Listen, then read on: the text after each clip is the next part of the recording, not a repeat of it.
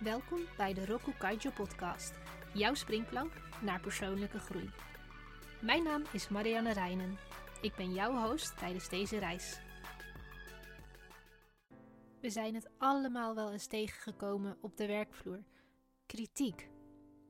Of het nu is van de baas, je teamleider, je collega of een stagiair, kritiek wordt A. niet altijd als fijn ervaren, B. niet altijd tactvol gegeven.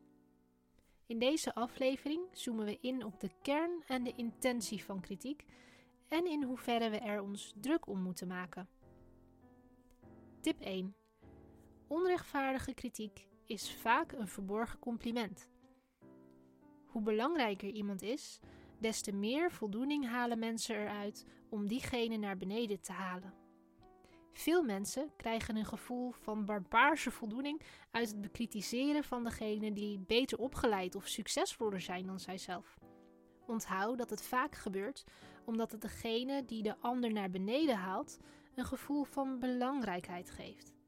Er wordt niet voor niets gezegd dat jaloezie aan de botten vreet. Laat het dan ook gaan en verlaag je niet tot hetzelfde niveau. Tip 2. Gebruik de kritiekparaplu in geval van een regen van onrechtvaardigheid. Besef dat je zelf kunt bepalen in hoeverre je je stoort aan onrechtvaardige kritiek. Let op, dit is geen vrijbrief om alle kritiek naast je te leggen. Verre van dat. Maar negeer alleen kritiek die niet op zijn plaats is. Schwab had hier een geweldig inzicht over je kunt een opmerking maken over iemand die reageert op je kritiek, maar wat kun je zeggen tegen iemand die gewoon lacht om je kritiek? Met andere woorden, zet je kritiekparaplu op en voorkom daarmee dat je wegregent onder er niet toedoende meningen, misplaatste opmerkingen en onrechtvaardige kritiek. Tip 3. Maak een lijst van stomme dingen die je hebt gedaan. In eerste instantie zijn we geneigd naar anderen te wijzen als het om onze problemen en tegenslagen gaat. Maar het is goed eerst naar onszelf te kijken. Stel jezelf deze drie vragen. 1. Welke fouten heb ik toen gemaakt? 2. Wat deed ik goed en in welk opzicht had ik het kunnen verbeteren? 3. Welke lessen kan ik hieruit halen? Belangrijk, wie niet open staat voor kritiek, kan ook niet groeien. Sta open voor kritiek als het oprecht is, gebaseerd is op kennis en gegeven is vanuit een geest van behulpzaamheid. Bedenk, misschien heb ik deze kritiek wel verdiend. Dan kan ik er maar beter dankbaar voor zijn en ervan profiteren. Onlangs las ik in Harvard Business Review een artikel door Sabina Nawaz, een internationaal bekende coach, spreker en schrijfster. Zij gaf vier goede tips. 1. Trek geen conclusies als iemand afgeleid of overstuur lijkt. Vraag gewoon wat iemand denkt. 2. Pas de kritiek toe op je rol, niet op jouzelf als persoon. 3. Vraag meerdere om feedback en advies. 4. Zorg ervoor dat je fysiek en mentaal voor jezelf zorgt.